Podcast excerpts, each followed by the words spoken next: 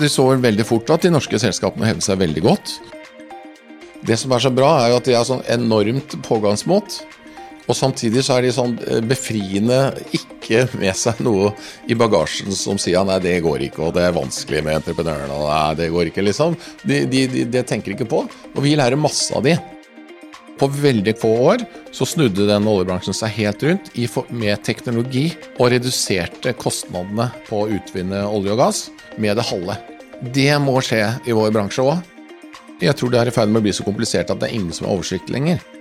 Vi må i hvert fall halvere tiden. Det må vi.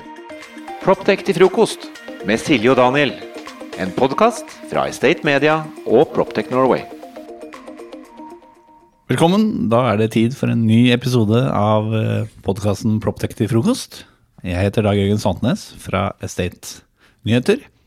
Og jeg har med meg Daniel Butenschøn, daglig leder i Proptech Norway. God morgen, DJ. God morgen. Kan ikke du introdusere gjesten vår? Jo, det gjør jeg jo gjerne. Um, I eiendomssammenheng så, så, trenger kanskje ikke Mattis Grimstad noen nærmere introduksjon. Uh, men uh, poenget her er jo at også i proptech-sammenheng så har vi med oss en levende legende her. Um, vi må faktisk tilbake til proptechens uh, opprinnelse her til lands for å få litt bakgrunn. for proptech, som vi vet, har hatt ganske gode kår i Oslo. vi hadde masse dyktige teknologer mange fra oljebransjen som liksom så hvordan digitalisering kunne speede opp en næring som var ganske bakpå. Eh, og, som, eh, og, disse folk har bygget av tech på toppen av en digitalisert nasjon med masse tilgjengelig offentlig data. Men det jeg tror kanskje var aller viktigst for den første bølgen av norske Proptex-selskaper, og for at den slo igjennom for fem-seks år siden, det var at den ble drevet fram av eiendomsselskaper. Eh, som gikk inn som tidlige investorer og pilotkunder, mens VSN-ene her til lands egentlig var mest opptatt av andre ting. ikke sant? Eh, og ett slikt selskap, det var Stor-Oslo Eiendom.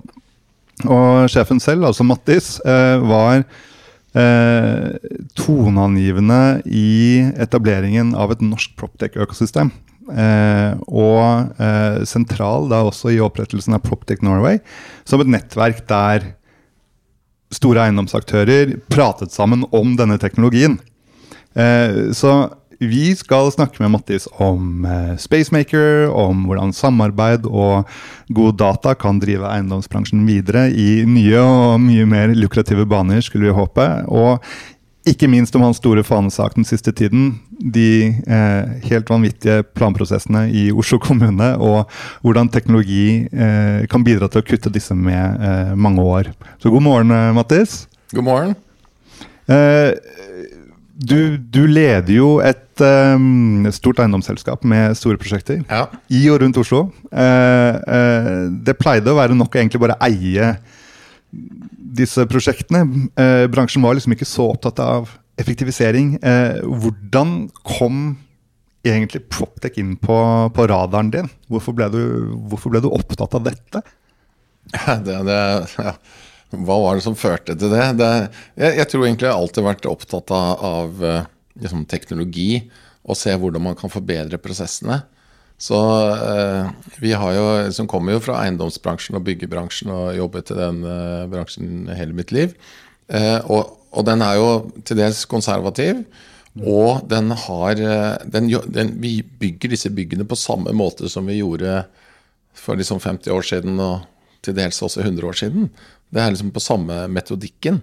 Så i hvert fall hvis du sammenligner med, med industrien, så har ikke vi hatt den samme utviklingen og moderniseringen og effektiviseringen som industrien har hatt. Eh, vi gjør fortsatt veldig mye på byggeplass, på stedet. Spesialløsninger, og alt er skreddersøm og sånne ting. Så det er helt åpenbart at vår bransje kan effektiviseres uh, i alle ledd, i hele verdikjeden. Så det har jeg vært opptatt av. Mm. Jeg tror det er masse vi kan gjøre, og masse vi kan lære av andre bransjer. Så hva, hva var det du så da med Spacemaker når du kom over det? Jo, det Ganske tidlig så kontaktet jo de som står bak eh, Spacemaker, som vi også kjente fra før. Eh, Håvard er jo, uh, er jo arkitekt, blant annet, og vi har jobbet sammen før. Eh, den tanken med å bruke kunstig intelligens og, og bruke da som datakraft for å kunne håndtere veldig mye data inn i et sånt program. Det er helt åpenbart at man kan gjøre det. Så ideen var veldig god. Eh, eh, de kontaktet oss tidlig, og så, så, gikk det jo på det at man har en tomt som har noen rammebetingelser på regulering av høyder og sol og skygge og sånn. Istedenfor at en arkitekt sitter og skisser det på det, eh, og man inviterer til en, liksom et skissestudium fra forskjellige arkitekter og sånn, så kan en datamaskin gjøre den jobben på bare noen sekunder, altså noen minutter. Så den ideen var kjempegod. Mm. Og vi tente på den umiddelbart. Og så uh, Det vi kunne bidra med da, i den, i den uh, sammenhengen, er at vi kunne jo slippe de løs og la de leke i alle våre prosjekter, på en måte. Gi de alle dataene. Og så kanskje med et primært mål om å finne hva er essensen i forretningsideen til Spacemaker. Hvordan skal de også Jeg vil jo påstå liksom hjelpe dem med å finne selve eh, forretningsideen. Hvor er det denne teknologien kan bidra til å skape merverdi. Og, og, og det er en kjempespennende prosess. da.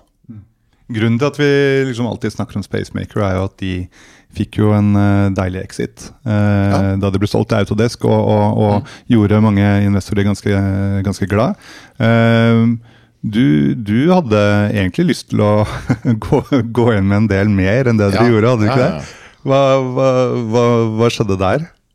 Ja, jeg, tente jo helt på ideen og syntes det var helt glimrende. Dette her må vi satse på. Mm. Nei, det, det, er jo som det kanskje alltid er i, i, styrer og når man skal liksom få beslutninger. Uh, jeg tror jeg, Det er vel ikke noe hemmelighet, det. Jeg, jeg, gikk jo til uh, vårt eget styre og sa vet du hva, her må vi satse. Ja. La oss gå inn og satse på det. Dette er ny teknologi for framtiden. Og da møter man jo selvfølgelig motstand eller, eller diskusjoner.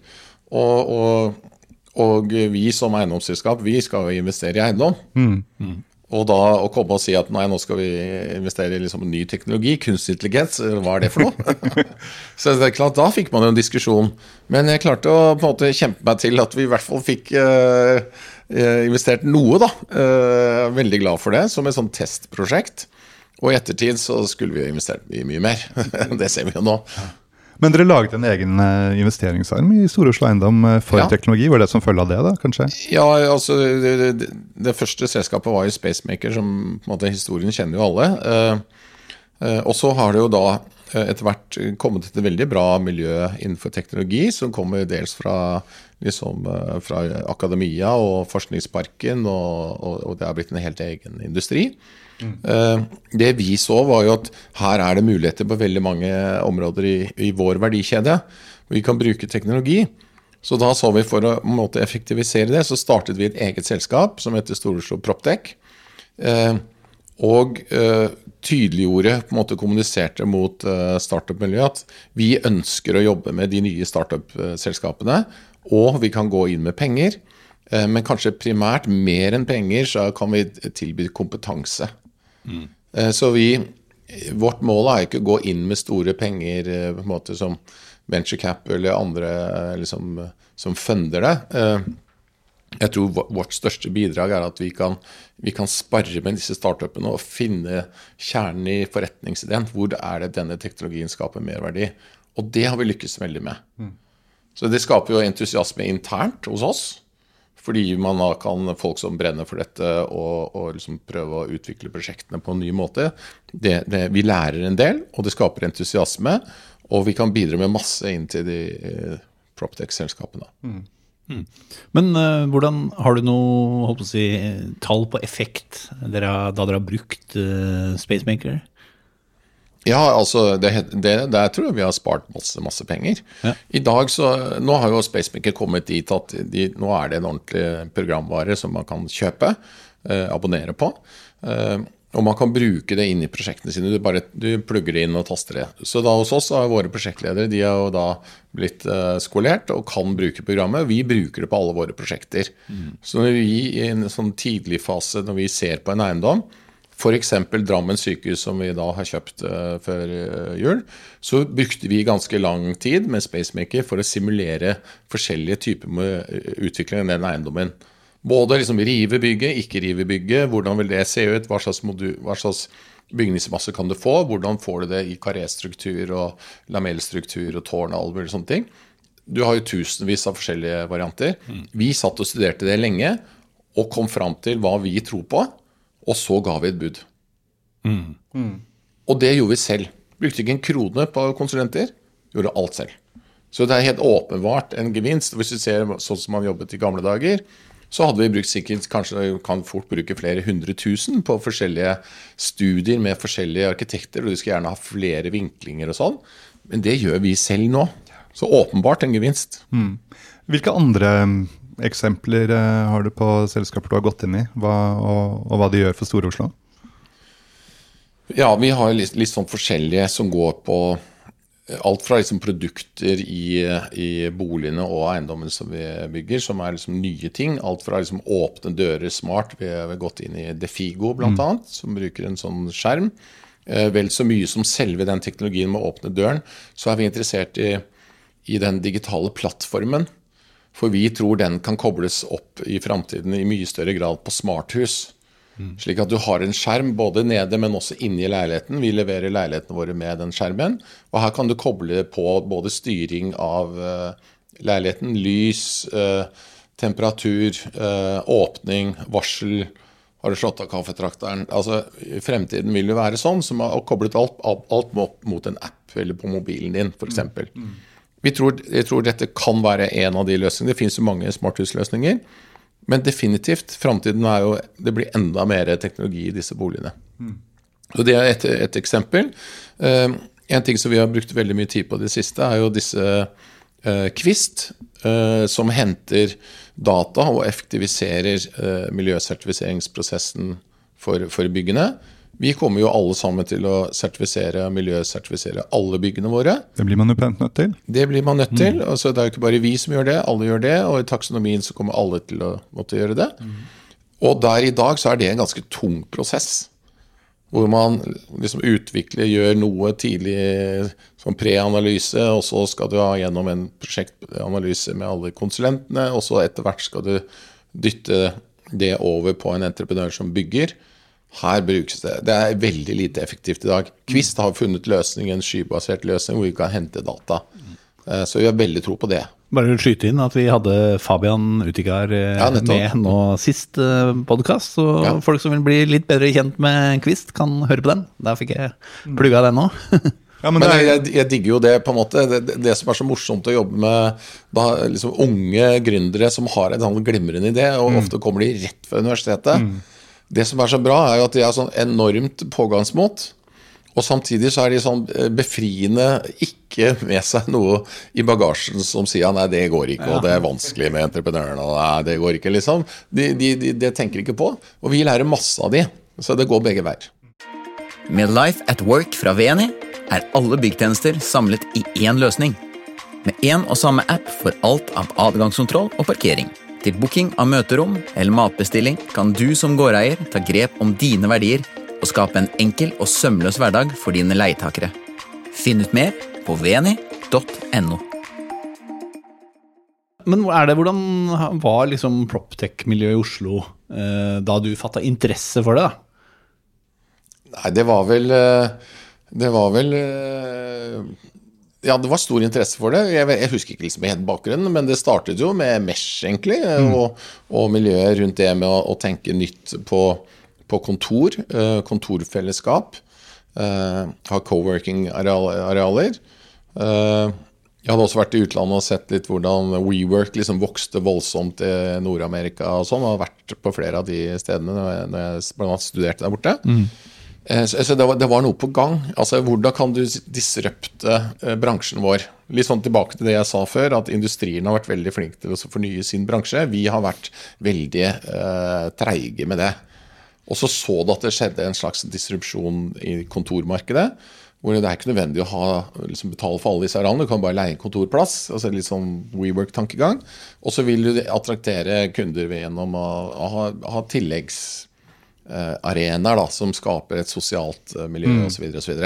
Som Mesh eh, holdt på med. Det var, litt, det var liksom én arena. Og, og, teknologi kan du da bruke for å lage gode arenaer. Litt sånn som Facebook eh, eller sosiale medier, hvor du lager communities og du kobler de på, og folk har lyst til å være der. Det er jo litt sånn tanken bak måte, både WeWork og Mesh og sånn. Ja. Så, så, så åpenbart at eh, man kan bruke teknologi for å lage, disruptere Disrupt, mm. ikke sant? Eh, deler av bransjen. Men du og, du og eh, Henrik Taubøl, eh, en av grunnleggerne av PropTechnology, var Mm. jo blant de første som liksom reiste rundt på disse globale konferansene. Dere satt i juryer ikke sant, og kåret ja. årets PropTech-selskap og sånne ting. Ja. Eh, hvordan hevdet norsk og nordisk teknologi seg på dette feltet, sammenlignet med liksom, eh, andre markeder? Følte du det? Jo, de, så vel veldig fort at de norske selskapene hevde seg veldig godt. Eh, så historisk så har kanskje mye av teknologiutviklingen kommet mye fra Sverige. eh, og da kanskje fra andre bransjer. Man har jo hørt om liksom Klarna og Spotify og alle disse som har gått mot liksom andre industrier. Men det har vært et veldig bra miljø eh, på tech i, i, i Stockholm, Sverige. Som også har vært bra fundet av kapital. Så de, de har nok ligget langt foran oss. Og så føler jeg vel at eh, Norge nå eh, har kommet eh, veldig godt i gang. Og på de konferansene som har vært i Europa, om det er Expo i München eller på MIPIM i Frankrike og på flere andre, også i London og sånn, så har det vært konkurranser. Liksom, du har fått opp det proptech på en måte miljøet. Det er blitt en arena hvor folk har lyst til å være med. Eh, og da er det konferanser hvor de kårer og sånn, og de, disse selskapene kan pitche. Og som, som du sa, er, jeg har sittet i noen av disse juryene, og de norske hevder seg godt. Det virker, Definitivt. virker også som de norske er flinke til å dele eh, med hverandre og samarbeide. Eh, eh, Man skulle jo tro at alle sitter på hver sin tue og Ja. konkurrerer knallhardt, men det er en vilje til å prate med hverandre. Kanskje, Kanskje, det er, kanskje det er sånne selskaper som dere som også oppfordrer til at de gjør ting sammen nå, men Ja, det er nok en, det er nok en jeg jeg tror det er riktig. Det, det, er nok en større vilje til å dele, dele kunnskapen eh, mellom de selskapene. Det syns jeg er eh, kjempemorsomt, egentlig. Det, det er litt det samme ser du jo på bærekraft. Fordi den tradisjonelle eh, tankesettet med å drive business, og kanskje også eiendom spesielt, er at eh, hvis du har en forretningsidé, en, en metode, en metodikk, så er det på en måte en, en forretningshemmelighet som du ikke deler. Når du kommer til bærekraft, så er det glemt. Da handler det om å, å finne løsninger for the common good, for, for det store fellesskapet. Og jeg vil si alle de toneangivende innenfor det med bærekraft, det handler bare om å dele. Det handler om å finne gode metoder, og så dele de, slik at alle gjør det. Og, s- og til en viss grad så er det sånn på teknologisiden nå. Vi hjelper jo disse startupene, de unge fremadstormene. liksom man må ha en forretningsidé, man må sikre at du har kapital. Hvor er det jeg finner markedet? Hvordan skal jeg liksom få de inntektene i framtiden? Om det er et abonnement, eller om det er sant, skal du selge et produkt. Jeg, jeg føler at mye av den coachingen vi har, går jo veldig mye på det. Hjelpe de å finne et produkt som de kan tjene penger på. Så ja vi, ja, vi deler nok mer der enn i den tradisjonelle bransjen.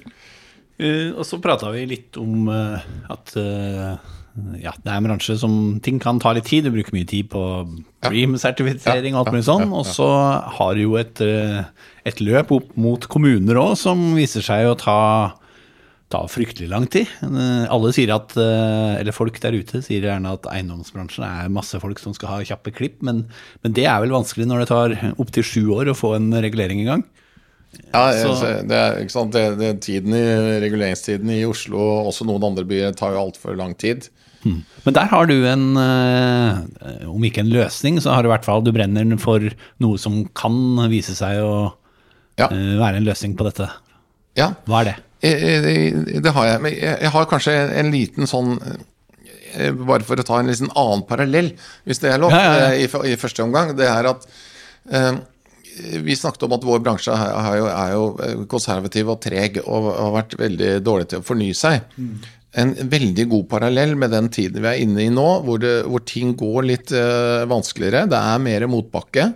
Uh, bransjen sliter. Så har du en parallell til oljebransjen, uh, som var med forrige når oljeprisen sank. Da hadde man vel en eh, I grove kuler så kostet det vel 60 dollar eller sånt å utvinne en, eh, et eh, fat olje. Eh, og så sank oljeprisen til litt over 30 eller et eller annet sånt. Jeg husker ikke tallene helt. Men det var sånn åpenbart at dette her, her må det skje noe voldsomt.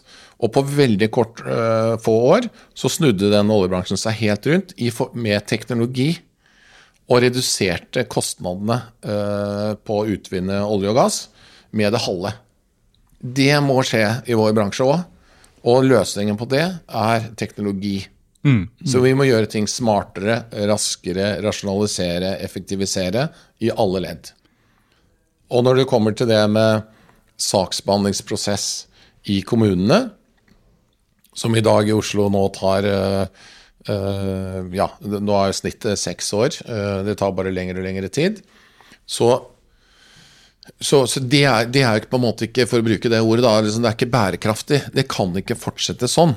Uh, av veldig mange grunner. det ene er jo at vi skal lage disse stedene mer bærekraftig. Transformere knutepunktene våre. Og det haster å gjøre det, for det har noe med klima å gjøre. Uh, og det andre er å kunne skaffe boliger til byens befolkning, mm. ikke minst. Vi ligger veldig etter der. Så det er, det er jo et politisk uh, ansvar og et problem at det ikke går fortere. Det, det, kan ikke fortsette sånn som det er nå. Hvorfor tar det så lang tid? Hva er de mekanismene som gjør at det tar sju år å få planlagt et, eh, et godt uh, boligprosjekt, f.eks. i Oslo? Jeg, jeg tror regelverket har blitt veldig komplisert. og jeg kan på mange måter forstå at man i plan og bygg og, og blant beslutningstagere at det, at det, tar lengre tid. Fordi det, det, er også veldig krevende. Eh, det er komplisert, og man skal utrede uendelig mange forskjellige uh, uh, sider av en, av en sånn måte, plansak. Så at det er komplisert, Eh, det er det er, at har, og at det er blitt mer komplisert, det er en av grunnene. Så det, det har jeg full forståelse for. Det er mange hensyn å ta. Men, men det skyldes også fordi at uh, man også i, i, det offentlige jobber på en måte gamlemåten. da. Mm. Ikke sant? Uh, Eh, vi leser jo i media om, om, eh, ting som tar uendelig lang eh, tid, og så får man ut mangelbrev rett før etter disse tolv ukene og sånne ting. Og vi kjenner oss jo igjen eh, og det. Og det er PDF-er som sendes fram og tilbake, og e-poster med understrekninger og overstrekninger og jeg, jeg, tror blir, jeg, tror det er i ferd med å bli så komplisert at det er ingen som har oversikt lenger. Mm. Altså Verken rådgiverne eller saksbehandlerne eller politikerne som beslutter, klarer ikke å få oversikt. Det er for komplisert. Mm. Eh, fordi man jobber nok eh, fortsatt på den måten at man flytter papirer, for å si det litt sånn enkelt. Men man får en utredning på uh, støy, man får en utredning på risiko og sårbarhet, man får en utredning på overvannshåndtering uh, og så videre Og dokumentene er tjukkere og tjukkere og større og større, og konsulentene liker jo dette her. Men det er ingen som klarer å få oversikten over alle de måte, føringene, parameterne som ligger i all den dokumentasjonen. Mm. Det er blitt for komplisert. Og det er sjelden alle beslutningstakerne sitter rundt det samme bordet og det, det ser på de samme tingene. Mm. Nei, også hjelper det jo selvfølgelig også ikke Det er jo ikke helt tillit mellom partene. Det hjelper jo heller ikke. Nei. Så man er, man er, ikke transparente i informasjonen fra det offentlige og mot det private og begge veier. Mm. Så, man, så, man, burde egentlig sittet rundt bordet og løst det sammen. Her kommer et veldig ledende spørsmål. Uh, hva, er, hva, er, løsningen her? Uh, har dere testa ut noe? ja, ja, det er et veldig ledende spørsmål. Uh, jo, uh, vi har jobbet litt med dette med digit digitale tvillinger. Uh, og det, det, tror vi er én løsning. En del av løsningen. Ja. at man kan jobbe digitalt med å lage en Du lager da en digital 3D-modell, en digital tvilling, av det prosjektet. Mm. Ikke bare prosjektet, men liksom området rundt, bydelen. eh, Hele Oslo har vi har laget en tvilling av. Og fordi at alle disse sidene ved å utvikle et område, en plansak, er så komplisert, så kan man visuelt simulere det i en digital tvilling. Og da mennesket oppfatter jo mye bedre kompliserte problemstillinger når du kan se hvordan det faktisk funker. Mm. Og det er det vi syns er helt uh, fantastisk. Hvis du lager en tvilling som du kan sitte og simulere på, og da liksom flytte høyder, uh, flytte bygg, se hvordan sykkelsiden sykkelstiene skal være, hvor skal bussen stoppe, Hvordan påvirker det uh, flyttemønsteret på de som er der? Du kan legge inn demografi. Hvor mange barnefamilier treffer du når du legger Ja. Og du kan sitte og leke med denne modellen og liksom plassere barnehagen bør ligge der. Det er kortest vei fra alle de i forhold til hvor boligen ligger. Dette kan man simulere i samtid, da. Ja, du, du, til dels er det jo samtid, for alle dataene, veldig mange av dataene er jo nedlast, nedlastbart uh, i sanntid. F.eks. trafikken på Statens vegvesen legger ut alle trafikkdata hvert 15. minutt. Det er bare å laste det ned. Uh, og, og liksom solskygge og alt det har man jo. Været. Uh, og så har du jo alle dataene på alle bygninger i landet her. Det har du jo i plan og bygg. Det er digitalt. Det er bare lasten i ned det. Uh, og du har alle dataene på bevegelser på alle mennesker, for de får du fra Telia og Telenor. Det er bare De er kryptert, ikke sant. De er mm. hva heter det, anonymisert. anonymisert ja. Altså, dataene er der. Det er bare ja. å begynne å leke. Er, er det liksom nok data? ja, ja, ja. Men er det sånn at Norge har mye bedre datainnhenting enn andre land? Ja, til en viss grad så har vi det. Mm. Så der ligger vi i forkant fordi at vi har mye mer åpne, vi har mye mer åpne data tilgjengelig. Altså Et eksempel er jo skattelistene, f.eks. Uh, vi vet jo hva alle folk tjener og betaler i skatt. Det er bare å gå inn en tastetrykk. Det, det er jo ikke alle land som har det. Ikke USA, f.eks. Mm. Trump har vel ikke gitt opp uh, sin enda. Men, kan, men, men mm. dataene er veldig tilgjengelig. Vi kan hente flomdata, vi kan hente transaksjonsdata fra mm. kredittkortene våre, vi kan hente uh, mm. fottrafikkdata fra mobiltelefonene. Det er fryktelig mye data man kan berike disse modellene med. Det er veldig mange som sammenligner dette med dataspill. Det er jo ikke helt fjernt, det. Det er jo ganske kraftige sånn, spillmotorer som ligger, eh, som ligger, bak dette her, er det ikke det? Jo, altså, du, du er så vidt inne på det med Du nevnte Flåmdata som et eksempel. da. Hadde det ikke vært mye bedre at den saksbehandleren som sitter i plan og bygg, kunne gått inn i modellen og sett Legg inn hundreårsflommen. Mm. Uh, hvor, er det, hvor kommer vannspeilet i Bjørvika hvis du legger inn hundreårsflommen? Eller når du får den flommen i Akerselva, hvordan ser det ut da i forhold til det bygget som du skal bygge der? Det kan jo se det. Det er bare et hastetrykk. Istedenfor at den utbyggeren skal lage en 100-siders rapport som sannsynliggjør hvor, liksom, hvor kommer dette, og hvor ja. det er hensyntatt. Du kan jo se det visuelt i den digitale tvillingen, og da har du check. Men det høres ut som dette er noe alle bare burde reise seg og klappe for. Ja, vi mener det. Og så blir, blir spørsmålet, da. Gjør alle det? Eh, og hvem er det som er eh, Ja, du som utbygger er jo veldig entusiastisk, ja, ja. Men, men, er kommunen entusiastisk? Jo, jeg, jeg, tror, jeg tror, dette, kom, dette, kommer om man vil eller ikke. Eh, og så ser vi rundt i Norge så har noen kommuner tatt dette inn allerede. Mm. ideen og teknologien kommer jo fra olje og gass, altså offshore. Mm. Og det er dette selskapet Augment City som sitter i, i Ålesund. Uh, som er et underselskap av noe som heter Ocean Simulation, Simulation Center, OSC. Mm. Som har jobbet med oljebransjen i veldig mange år. Det de har brukt den teknologien på, er å simulere oljeplattformer, vanskelige uh, arbeidsoppgaver i Nordsjøen, hvor de kan legge inn liksom bølger, vind, alle mulige sånne ting i den simulatoren. Den teknologien eh, den bruker man nå på byer. Og Ålesund kommune så dette veldig tidlig, så man bygget da en, en Smart City Lab, en kule, hvor du kan se den teknologien.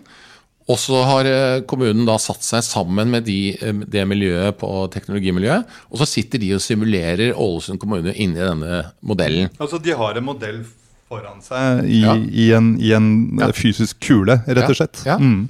Og da f.eks. Et, et problem som har vært i Ålesund, er, er eh, tiden de tar for brannbiler å komme liksom, nå hele byen.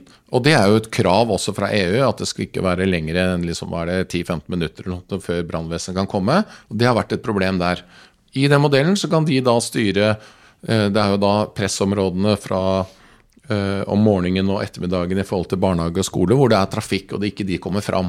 Det kan du enkelt da simulere i den modellen. Og så ser du ja, men hvis vi flytter i barnehagen liksom en halvtime sånn, og så, videre, så vil du opprettholde den 15-minutteren. Mm. Og det kan du simulere. Og så simulere på alt mulig annet. Hvor skal du ha plassering av sparkesykler? Hvor skal barnehagen ligge? Det er uendelig, egentlig, mm. med muligheter. Men det er jo ikke bare i Ålesund at Dogman City har holdt på. De har jo også da blitt brakt til Oslo, og, og dette prosjektet i Hovindbyen, hvor dere har vært involvert, ja. og hvor også plan- og bygningsetaten ja. har vært med. Ja. Uh, hvordan, hvordan, funket det når alle disse partene satt rundt den samme modellen og tittet? Hva ble liksom konklusjonen? Det, det, det fungerer eh, veldig bra. Vi har fått med oss eh, et testprosjekt, som du sier, i, i Oslo. Eh, vi har laget en digital tvilling for Hovindbyen, eh, hvor kommunen er med. Det er også da støttet av Oslo kommune. Eh, og vi har fått med oss plan- og bygningsetaten, som sitter med. Da har man prøvd å hente alle dataene som man har i Oslo kommune. Alt fra vann og avløp, eiendom og alt som går på plansaker og regulering, og lagt alt inn i modellen. Da kan du eh, simulere. Og helt åpenbart at det er, at det er et uh, kraftig uh, verktøy som kan brukes uh, når du holder på med plansaker og byggesaker. Jeg, jeg tror denne modellen bør eies av, av Plan og bygg, og jeg tror den bør være der. Eh, og det må bli en del av deres vurdering av prosjektene. Hva sier de til det? Ja, eh, ja, det handler jo sikkert litt om beslutninger og, og eh, eierskap og sånne ting. De som vi har jobbet med i Plan og bygg, er veldig veldig positive. Eh, det har også vært presentert i rådhuset for politikerne. Det er også veldig mye positive tilbakemeldinger der. Så man ønsker det. Så handler det vel egentlig litt om beslutning og budsjett og midler og sånn. Eh, men eh, vi tror, og, og jeg tror, at det, dette er framtiden, så vi må gå den veien. Hvor mye altså hvor mye er det mulig å redusere plantiden med eh, Si at vi nå er i 2030. Eh, vi beriker disse digitale modellene som vi da har for hele byer, med alt det som finnes av data. Eh, inklusive hva som finnes inni hvert bygg, hvor vi kobler opp sensorikk og kan bevege oss inn. Vi kan få riktig utsikt fra fjerde etasje. Eh, vi kan gjøre veldig mye inni disse modellene. Det er jo et slags endepunkt for, eh, for eiendomsteknologi. Hva, hva, hva tenker dere når dere sitter og tar en pils på kvelden, at, eh, at eh, man skal kunne redusere denne plantiden med? Ja, jeg, jeg tror du kan halvere den, ja. og kanskje mer også. Eh, så det er eh, i hvert fall Og jeg, jeg, tror, jeg tror du må halvere tiden. for Du kan ikke ha seks år og mer. Eh, da, da klarer vi ikke å utvikle byen. Så vi, vi må i hvert fall halvere tiden. Mm. det, det må vi. Og et viktig, Vi snakker liksom bare om, om, om, om eh, saksbehandlingstiden og verktøy for den interne behandlingen i plan og bygg, men det, det, dette verktøyet også er en veldig god eh, et, et godt eh, verktøy for, det er jo kommunikasjon til det offentlige. Så i forbindelse med plansaker hvor du har involvering av de som bor i området osv., så, videre, så kan man jo enkelt da kjøre fellesmøter, åpne møter, hvor man forklarer om hvordan dette kommer til å se ut, og redusere motstanden eh, til prosjektene. Vi ser det når vi har Høyhusplanen, som er strategien som, blir, som nå skal vedtas i rådhuset. Alle de høringsutkastene som ligger i den, det er jo flere tusen. Ja. Eh, og, og kommuneplans eh, samfunnsdel det samme. Det tar uendelig lang tid, for det er flere tusen høringsutkast.